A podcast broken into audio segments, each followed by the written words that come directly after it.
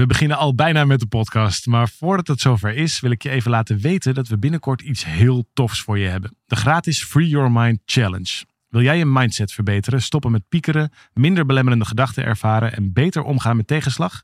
Schrijf je dan in voor deze challenge via www.365dagensuccesvol.nl slash challenge. Het is van 26 mei tot en met 29 mei en ik heb er heel veel zin in. We beginnen nu met de podcast.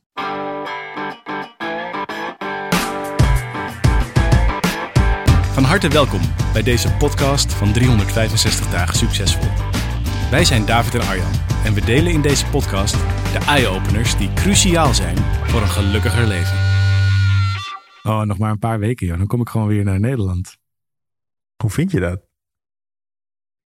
Ehm, dat vind ik. eh, nou, Je komt eerst natuurlijk even voor ik- de doorbraakdagen. Dus dan kom je een weekje. Ja, dat- ja, ja, en daarna nog even een paar weken. Maar dan voelt het misschien al wel een beetje alsof het klaar is. Want daarna is het nog twee weken op school met de kinderen. En dan zal het daarna ook wel veel een beetje opruimen en eh, inpakken zijn. En ja, het voelt ook verdrietig. Denk ik dat dat ook wel gewoon zo is. Want het is. eh, Aan de ene kant kijk ik er natuurlijk naar uit om weer. ehm, er zijn ook een aantal dingen waar ik, waar ik gewoon die ik heel fijn vind in Nederland. eh, waaronder natuurlijk ook de, de mensen die daar wonen. Dus dat is denk ik het belangrijkste en ook de belangrijkste reden om weer terug te gaan. Mhm. En tegelijkertijd is het ook, eh, het is ook zo fijn hier. Dus het is, ik vind het ook wel, het voelt ook bijna op een niveau van identiteit. Of doet het iets met, wij zijn dat gezin dat lekker naar Bali is gegaan, weet je. Dus dat is ook een, zo, ik vind het ook een fijne manier om naar mezelf te kijken. Van, oh ja, wij, doen dit gewoon. Dat is een, iets waar ik ook wel vreugde uit haal. De, en, en ook wel een soort, eh, dus nou ja, het leven is hier natuurlijk zo bijzonder nog in heel veel opzichten. Dat dat eh, Dat ik, dat ik dat ook wel spannend vind om te zien, lukt het ons weer in Nederland om op dezelfde manier ook verbonden te blijven. Zoals we hier, hier zijn we automatisch verbonden omdat we samen in datzelfde avontuur zitten. Mhm. En daar waaien, waaien we natuurlijk alle zes weer een beetje al onze kanten op. Ehm, en dan denk je, ja, hoe gaan, we dit, hoe gaan we dit doen? Lukt het om diezelfde gezamenlijkheid of zo nog te, te behouden? Mag, je, mag je daar een heel klein beetje bij helpen? Ja, doe eens. Laat het varen. Want als je namelijk, je, je hebt echt heel duidelijk, je, je hebt echt een droom. Een droom gehad, een droom geleefd. En dit is echt een beetje het Ja. einde van het droom. Einde van het avontuur. De droom is misschien een beetje te zwaar. Maar het is een avontuur Ja. en het avontuur komt ten einde. En jij bent natuurlijk, een, ken je een beetje, een beetje een nostalgische meneer. Dus je Zeker. houdt van, van eh, Sinterklaas vieren met gedichtjes al. altijd. Juist, precies. Ja, ja, ja, ja, Dat soort dingen. En Klopt. dit is natuurlijk zo allesomvattend geweest. Koffertjes inpakken, nieuwe school voor de kinderen. En eh, heel erg op elkaar aangewezen enzovoort. En dan kom je weer terug in Nederland. En ik denk echt dat het wel even omschakelen is. Ook vooral voor de kinderen. Omdat die daar natuurlijk ook hebben moeten wennen. Maar ondertussen ook hun weg hebben gevonden. En dat is een andere weg dan dat ze in Nederland hebben. Ja. Ja. Dus juist dat vast willen houden. Of delen daarvan vast willen houden. Maakt het volgens mij lastiger. Dus door gewoon terug te komen. En echt het avontuur ook even te rouwen. Maak ruimte voor, eh, voor, voor rouw.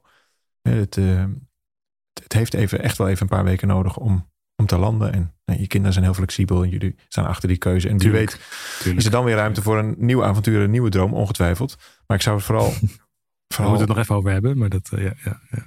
nou ja, je bent, dit is heel goed gelukt. Dit was het beste jaar uit mijn, eh, uit mijn geschiedenis met jou. Dus wat dat betreft, go your gang, zou ik zeggen. Hoe verder weg, hoe... Oké. Nou ja, maar ik, maak gezinnetje voor de eerste raket naar Mars, volgens mij. Zochten ze nog een gezinnetje. go your gang. kijken of we Ja. zien. Nee, het, oh, ik dacht, je zei nog, zochten ze nog een zinnetje. Ze zochten nog een gezinnetje. Nee, Nee, nee. ja, goed. Een gezinnetje. Ja, jullie zouden het kunnen. Nee, maar, zonder gekheid. Wil, het is, wat ik mooi vind eh, om te ontdekken is dat afstand dus helemaal geen beperking meer is. Dat we ook dit Ja. gewoon kunnen doen. En ik heb me ook niet minder verbonden gevoeld enzovoort. Maar wel heel veel vrijer. En daar lag Ja. bij mij dus blijkbaar ook nog best wel veel... omdat jij nou eenmaal graag en vaak op kantoor zat... dat ik me op een gegeven moment schuldig voelde... dat ik daar dan minder ben of... Hè, dan zat ik liever in het bos Oh, of ja. was ik daar niet eens. Nu ben jij gewoon ver weg en is dat een non-issue. En is het in mijn leven dus ook een non-issue. En dat vind ik echt veel prettiger. Dus ik heb er veel. Van geleerd. En uh, nou, dus voor mij is het een- ja, in ja. mindere mate natuurlijk. Maar voor mij is het ook even weer kijken hoe gaan wij dat doen als je straks er uh, weer bent. Alleen maar leuk hoor. Maar het, het verdient even de, uh, de aandacht. Ja, interessant. Ja. Hoe, je dat zo, hoe je diezelfde vrijheid vast kunt houden. Dat is wel een non-issue. Grappig. Dan moet ik meteen aan een klooster denken bij een non-issue. Maar Zeker. Dat is iets heel anders. Ja. Oh ja, oké.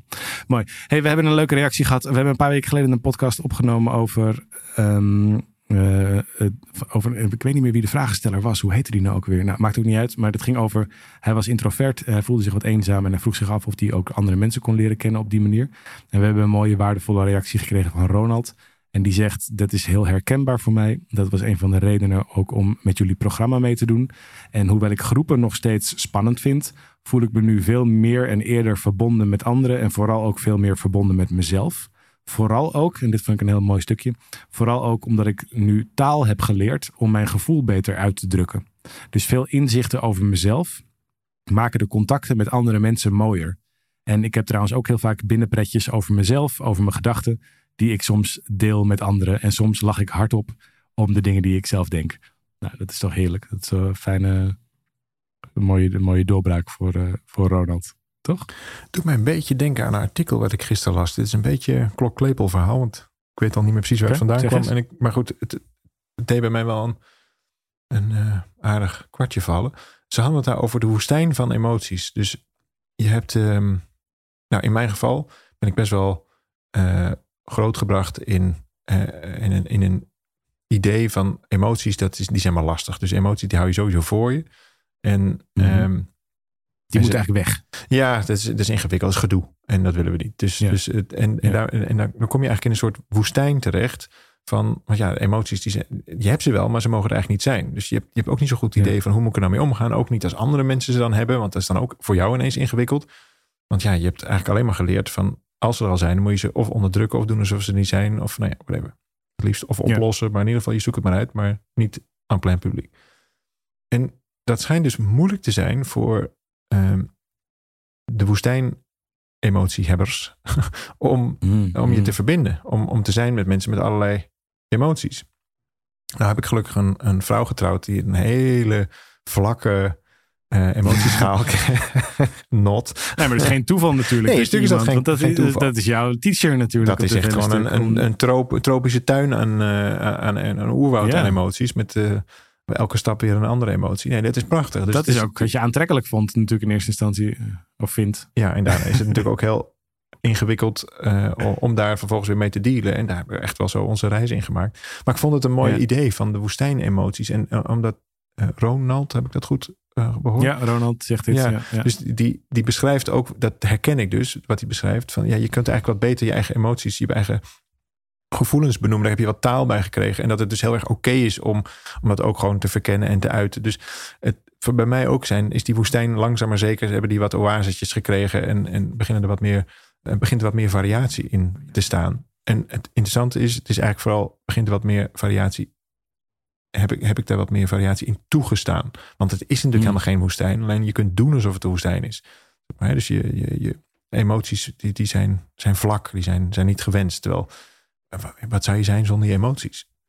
Ja, ik denk ja, dan, uh, het wegduwen van die emoties is ook een vorm van emotie. Dus het is, het is ook, ook, een waar. beetje een gek soort uh, paradox. Ja, het is zo eentonig. Het wordt heel, heel vlak. Uh, dus, dus maar is echt een soort één emotie. En die emotie, dat is een soort angst. En die, mag er, en die moet er vooral niet zijn. Dus elke kleur daarin is ingewikkeld. Nee, maar ik, ik heb wel de, ik bedoel, ik snap wel het punt ook over taal geven aan die emoties. Want je kunt natuurlijk je door je emoties zo laten meesurfen of meesleuren dat je er de, dat je jezelf onthand voelt of machteloos kunt voelen in je eigen grote woeste golf, golven van emoties.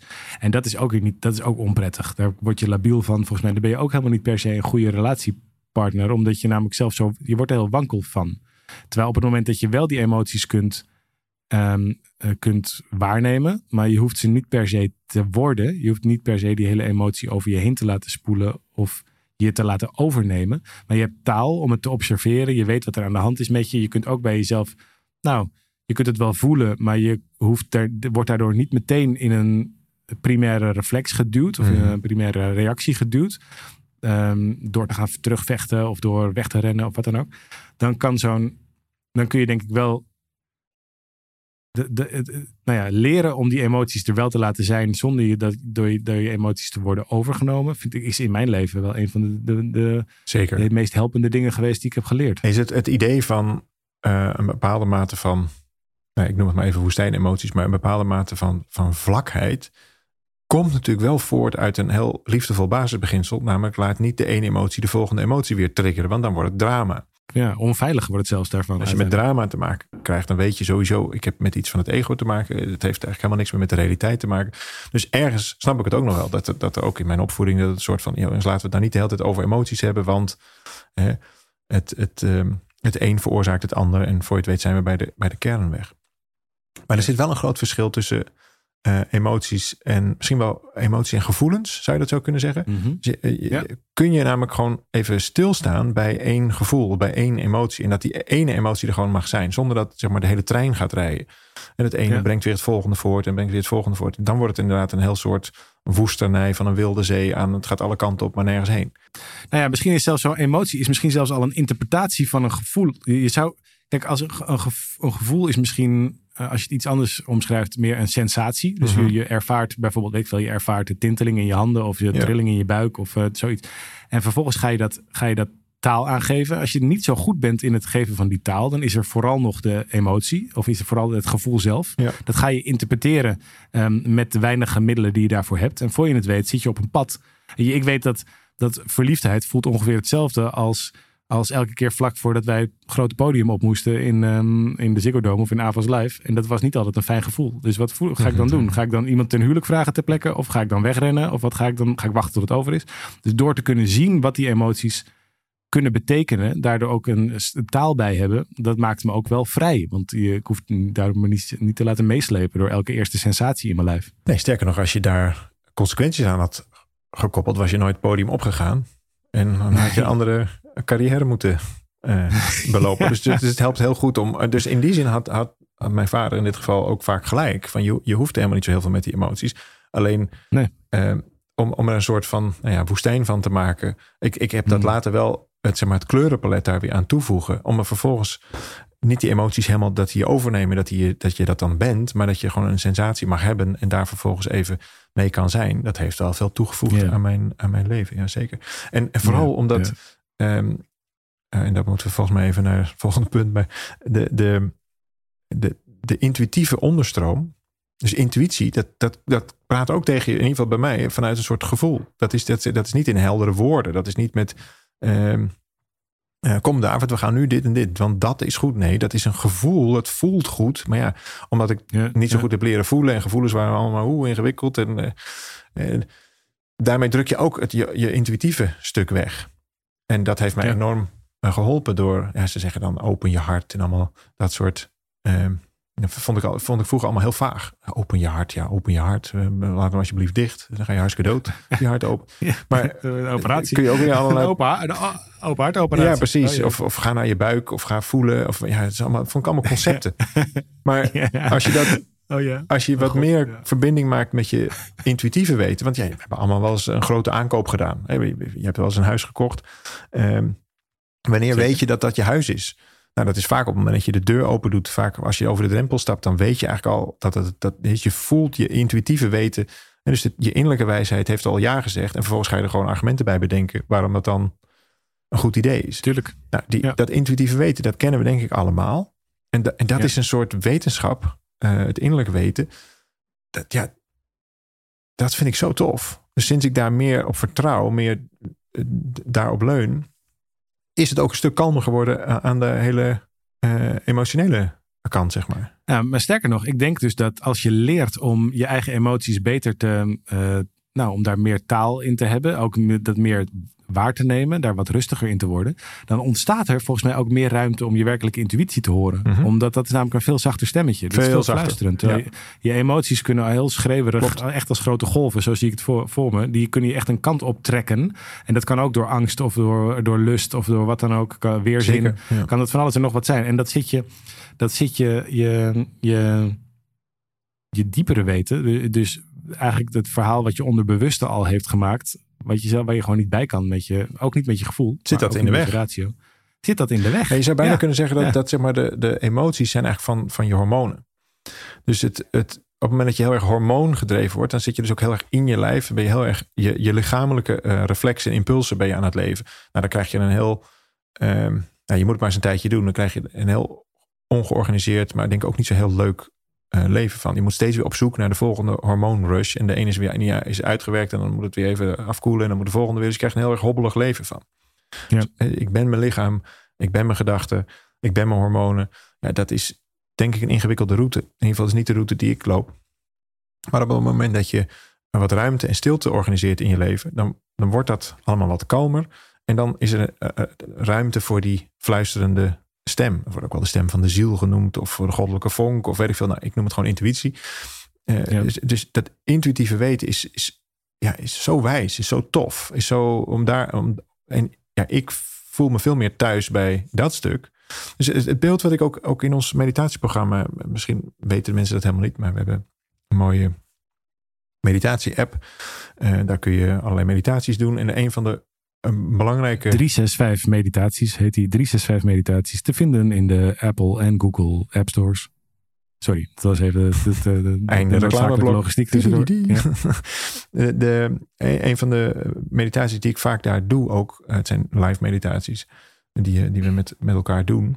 Um, die, dat is de, de, de, de de, de, de, meditatie van de gevoelens en emoties. Dus dan, dan zie je, je stelt je voor dat het, de gevoelens en emoties zijn soort golven op de oceaan. En als je daar een soort, je, je drijft daarop, je zit in een bootje, whatever, dan is, het, dan is het een vlak zeetje of een hele woeste oceaan of whatever. Maar dan zie je dat je dus heel erg afhankelijk bent van ja, hoe, hoe die golven nou eenmaal golven. En jij daarop meedijnt. Maar op het moment dat je daar iets inzakt. En stel je voor dat je onder water zou kunnen ademen. En dan ga je iets meer naar beneden, nog iets naar beneden. Dan hoef je maar een heel klein beetje te zakken in die gevoelens en emoties. En dan wordt het al meteen heel veel rustiger. Het wordt rustig. Ja. En hoe dieper je gaat, hoe rustiger het eigenlijk wordt. En dan kom je op een gegeven moment op een plek, wat ik dan noem is je innerlijk altaar. Dus dan kom je naar, de, naar die plek waar het eigenlijk altijd kalm is. En dat vergt een klein beetje oefening, maar je gaat er zeker weten komen. En als je dat plekje gevonden hebt, waar het eigenlijk altijd betrekkelijk rustig is, no matter hoe, hoe wild die golven zijn, hoe, hoe vlak die zee is, hoe heet het daarboven is, whatever.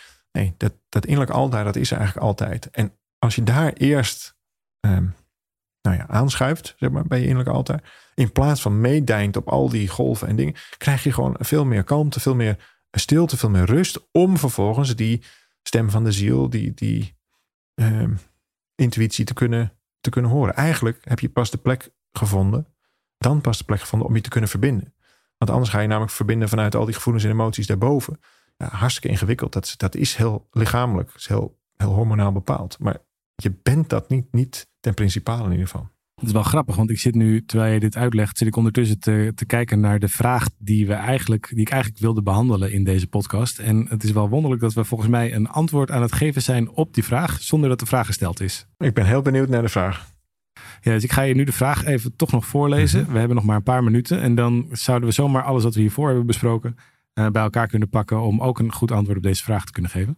Nou, dit is een vraag van Adel. En Adel die zegt, ik ben een mega twijfelaar. Ik twijfel werkelijk aan alles. Hierdoor kan ik ook slecht keuzes maken. En het lijkt wel alsof ik soms helemaal niet meer kan voelen wat ik nou echt wil of vind. Ik raak helemaal verdwaald als het ware. Wat kan ik hier aan doen? Nou, luister deze podcast inderdaad vanaf het begin. ja, dat is inderdaad grappig. Ja. Zo had ik hem niet gezien. Op het moment dat je twijfelt, zit je eigenlijk op dat bootje af te stemmen met al die gevoelens en emoties. Ook waarschijnlijk nog met, mag ik er wel, eh, mag ik wel blijven? Is iedereen nog wel, wel mijn vriend voor de, uh, als ik dit, dit, dit besluit enzovoort. Uh, maar op het moment dat je, je zou kunnen zeggen, je, je probeert die keuze rationeel te maken. Nou, het lastige met rationele keuzes is, die lijst, of je nou aan de pluskant of aan de minkant zit, die wordt steeds langer. Dus er zijn altijd argumenten te verzinnen waarom het een goed idee is. En er zijn ook altijd argumenten te verzinnen waarom het geen goed idee is. Nou, zo kun je eeuwig blijven twijfelen. En dat loopje, dat, dat, dat, kun je eindeloos blijven doen. En dat zorgt voor status quo in je leven. Dat zorgt voor kleurloosheid. Als je, en, het gekke is, niet kiezen is ook kiezen. Ja. En door, want ja, uiteindelijk is er geen beweging. En dan ja, kun je altijd nog het argument blijven gebruiken van ja, maar ik ben nog aan het afwegen, ik ben nog aan het twijfelen. Nou, daar word je helemaal gek van. Terwijl op het moment dat je inderdaad afdaalt, voorbij dus die gevoelens en emoties, naar oké, maar dit voelt op dit moment vanuit mijn intuïtie, vanuit mijn kern, vanuit nou, hoe je het ook maar wil noemen, dat dit de beweging is. Het interessante is, de grootste aankoop die we vaak doen in het leven is een huis. En dan ineens kunnen we het prima. Ja. Terwijl op het moment het over veel lichtere keuzes gaat, veel minder allesbepalende keuzes, dan vinden we het ingewikkelder. Dus je ziet hier, het is dus geen argument om, ja, dit is een belangrijke keuze, dus nu moet het heel rationeel. Wel nee, hoe groter de keuze, hoe moeilijker het is om hem rationeel te nemen. Want ja, die lijst wordt alleen maar langer, waarom wel, waarom niet. En dan ga je dus overschakelen naar iets, ja, dat innerlijk weten. En dan ineens is het is het de, de keus. En dit is ook wel eens onderzocht. Het blijkt dat 75% van de keuzes die je maakt, uh, rationeel gezien, dat je die later positief evalueert. Hartstikke bias natuurlijk, want je verzint ook allerlei redenen waarom het een goede keuze is. Tuurlijk, achteraf, ja, confirmation bias. Precies, in, in, Ja. in, in de 25% van de gevallen denk ik, oeh, daar had ik misschien beter anders kunnen doen. Slechts 25%. Ja. En dat blijkt ook zo te zijn bij intuïtieve keuzes. Dus ook die, als je die evalueert, dan blijkt je in 25% van de gevallen, dan denk ik, ai, daar had ik beter anders moeten doen. Maar in 75% van de gevallen, dus net, net zoveel, eh blijken dat ook keuzes die je achteraf goed evalueert. Nou, wat hier nou het interessante aan is, intuïtieve keuzes die maak je in een split second. Daar heb je Ja. meteen een veel beter gevoel bij. Daar komen niet al die angstdromen, al die nachtmerriescenario's, al die lijstjes die je moet Nee. maken. Het gaat veel sneller, het is meteen positief. En, en de uitkomst is uiteindelijk hetzelfde. Dus dan zou ik zeggen, ja, daar kun je er dus ook veel meer van maken. Het is ook veel leuker om een beetje te surfen op dat gevoel wat je zo voortbrengt. In plaats van die ratio die heel veel energie kost en het hele tijd afwegen. Want daar, ga je toch elke keer even het angstlijntje in. Dus ja, ik maak er wel gewoonte van om steeds meer eh, grote keuzes en ook wel de kleine keuzes te maken op dat onderbuikgevoel in plaats van eh, op, in de bovenkamer. Ja, helemaal als je er, meteen een consequentie aan verbindt. Dus als je een keuze maakt om dan vervolgens ook zo snel mogelijk Een stapje te achteraan zetten. een actie te doen. Zeker. Iets wat er bij die keuze past. Zeker. Want dan, Ja. als je dat namelijk nog niet doet, dan blijf je wel in die evaluatiestand. En dan ga je het ook afvragen, moet ik toch nog terugkeren op mijn schema? Moet ik iets anders gaan doen? Maar zo gauw je ook doorgaat, echt gaat lopen op het pad wat je hebt gekozen. Dan ga je, gaat, gaan je hersenen ook tegen je zeggen dat het ook een goede keuze is geweest. Dus dat Je weet bij het. beide paden. Je weet het heel vaak eh, terugkijkend ook al op het moment waarop je het eigenlijk al had besloten. Dus eh, bijvoorbeeld Ja. je zit in een werkomgeving waarvan je op een gegeven moment gaat voelen, "Hmm, dit is misschien niet meer helemaal mijn plek. Dat is het moment waarop je eh, eigenlijk al het besluit hebt genomen. Dat kan vervolgens nog maanden, soms jaren duren. Maar terugkijkend kun je precies het moment aanwijzen waarop, oh ja, dat was eigenlijk wel een, een beweging. Toen voelde ik eigenlijk al de andere kant op gaan. Nou, dan heeft, weet ik veel, je mind, je lijf, je, je portemonnee, geen idee, heeft nog tijd nodig om aan het idee te wennen dat er misschien nog een ander scenario is. Maar je wist het eigenlijk al heel lang. Nou, op het moment dat Ja. je wat meer, het hoeft natuurlijk echt niet meteen binnen 10 seconden, maar het mag wel.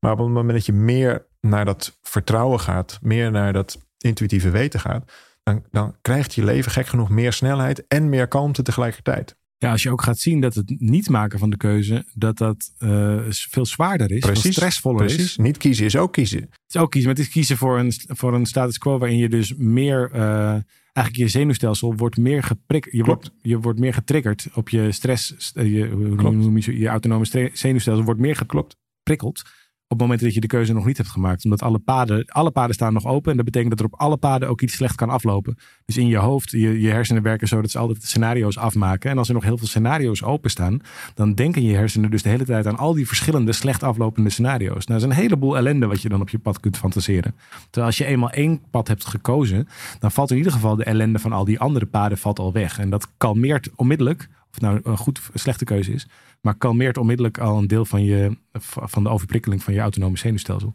Dus dat alleen al kiezen maakt je rustiger. Ja, het, Dus dat het is, ingewikkelde is dat we vaak denken dat we de keuze maken vanuit het denken. Maar de echt grote keuzes die worden helemaal niet gemaakt vanuit het denken. Dat kun je zelfs eh, neuraal ook aantonen. Hè? Dus de, de, het, het keuzecentrum eh, is veel autonomer dan we denken. En vervolgens verzinnen we daar redenen bij. Het is een paar milliseconden Ja. eerder. Dus dan, dat is interessant. Moet je maar eens het boek van Swaap lezen. Dat is echt, wij zijn ons brein. Het Ja, is echt, heel, het, heel interessante eh, eh, metingen kun je daarop doen. Dus met andere woorden, we hebben eh, on, onder water, dus onbewust, hebben we die keuze eigenlijk al gemaakt. En daar verzinnen we later redenen bij. Nou, ik vond dat dus echt goed nieuws. Toen dacht ik, oké, maar dan hoef ik zelfs dat hele spelletje niet meer te spelen. Want blijkbaar heb ik de keuze al gemaakt. Dus er is dus iets in mij wat dat dan al weet of doet of denkt of whatever. Laat ik dan, dan maar eerder naar gaan handelen. Joh, we hebben het een keer getest. Ik heb een keer met een groep mensen, waar, een grote zaal, ik, ik weet niet hoeveel er waren, eh, een paar honderd mensen. En we gingen gewoon een keer getest. Dan, ik ging op het podium en ik begon een beetje zo in mijn handen te klappen. Zo een beetje lompig. Helemaal niks. Er was geen enkele aanleiding voor. Gewoon een beetje zo klappen. La la la la. En dus, eh, plukjes mensen begonnen mee te doen in de zaal. Begonnen mensen ook te klappen. En op een gegeven moment begon die hele zaal te klappen. En die zaal begon te klappen en te juichen. En, en, Maar er was niks. eh, stoelen staan. En daarna vroeg ik aan een paar mensen, waarom ging je nou eigenlijk klappen? En ik vroeg het aan drie, vier mensen. Mhm. En die kwamen allemaal met een totaal ander antwoord. Nou, omdat ik het eerste deel heel goed vond. Ja, omdat, ik, eh, nou, omdat de mensen om me heen ook gingen klappen. Nou, ik wilde even nog energie. eh, want we hebben net geluncht en ik wilde Oh, even ja. wat energie. Ja, ja. Allemaal, allemaal onzin. Het sloeg allemaal nergens op. Maar de werkelijke reden was dat ze gingen klappen omdat er werd geklapt. Er werd geklapt. Mensen hadden daar geen verklaring voor. Maar die gingen ze daarna erbij verzinnen. Allemaal elke keer. En, en en zo werkt het volgens mij. Het helpt heel erg. Het is heel relativerend. Sterker nog, ik denk dat het heel rustgevend is om te bedenken dat je niet een keuze hebt gemaakt omdat je ergens zo goed over hebt nagedacht. Of omdat je zo'n goede afweging hebt gemaakt. Maar je hebt gewoon simpelweg na, na het maken van de keuze er nog een paar argumenten bij bedacht waar je mee kunt leven. En die oké voor je zijn. En that's it. Dat, dat haalt de hele.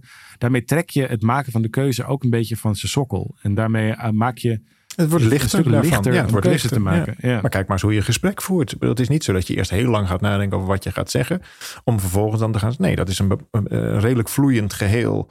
Waar je ja. nou, wat, wat, wat, wat, pauze laat vallen, zodat de ander af en toe ook nog wat kan zeggen in mijn geval. En dan, uh, nou, en dan, dan, dan, dan, dan noem je dan een gesprek. Maar daar ben je niet heel erg met je met je denkkracht bij aanwezig. Dat is toch. Nee. En, en nou, in, in keuzemakerij zou dat wel eens precies zo uh, kunnen gelden. Nou, mooie vraag. En grappig dat we al op een spoor zaten voordat, uh, voordat de vraag ja. daadwerkelijk was ingebracht. Dus, uh, de tip is: luister deze podcast van achter naar voren en het is helemaal helder voor je. Goed. Voor volgende week zijn we er weer. Podcast at 365 succesvol.nl als je vragen hebt. Ook leuk als je het wilt doen op sociale media. je vragen wil achterlaten, je opmerkingen. Ik begreep dat je ons kunt raten, zei David vorige keer. Dus je kunt uh, uh, sterretjes achterlaten. Doe dat alleen als je super enthousiast bent. Doe het anders vooral niet. Dus als je super enthousiast bent over die podcast, laat het, uh, laat het weten op de podcast app zelf. Daar kan dat binnen.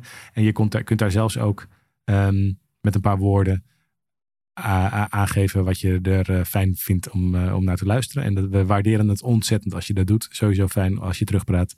Um, dan voelt het echt alsof we dit samen doen. En we zijn tegenwoordig uh, of volgens mij ook op YouTube. Want ik zag laatst een, uh, een filmpje. Ja. Dus als je wil weten hoe wij erbij zitten met 15.000 kilometer afstand ertussen, dan uh, kun je ook nog even op YouTube kijken. En ook leuk als je het deelt. Samen maken we van Nederland het gelukkigste land van de wereld. Dus mocht dit van jou van waarde zijn, hou het niet voor jezelf, maar deel het vooral met iedereen. Want wie weet heeft een ander er ook nog wat aan. Heel graag tot volgende yes. week. Tot de volgende keer. Ciao, ciao.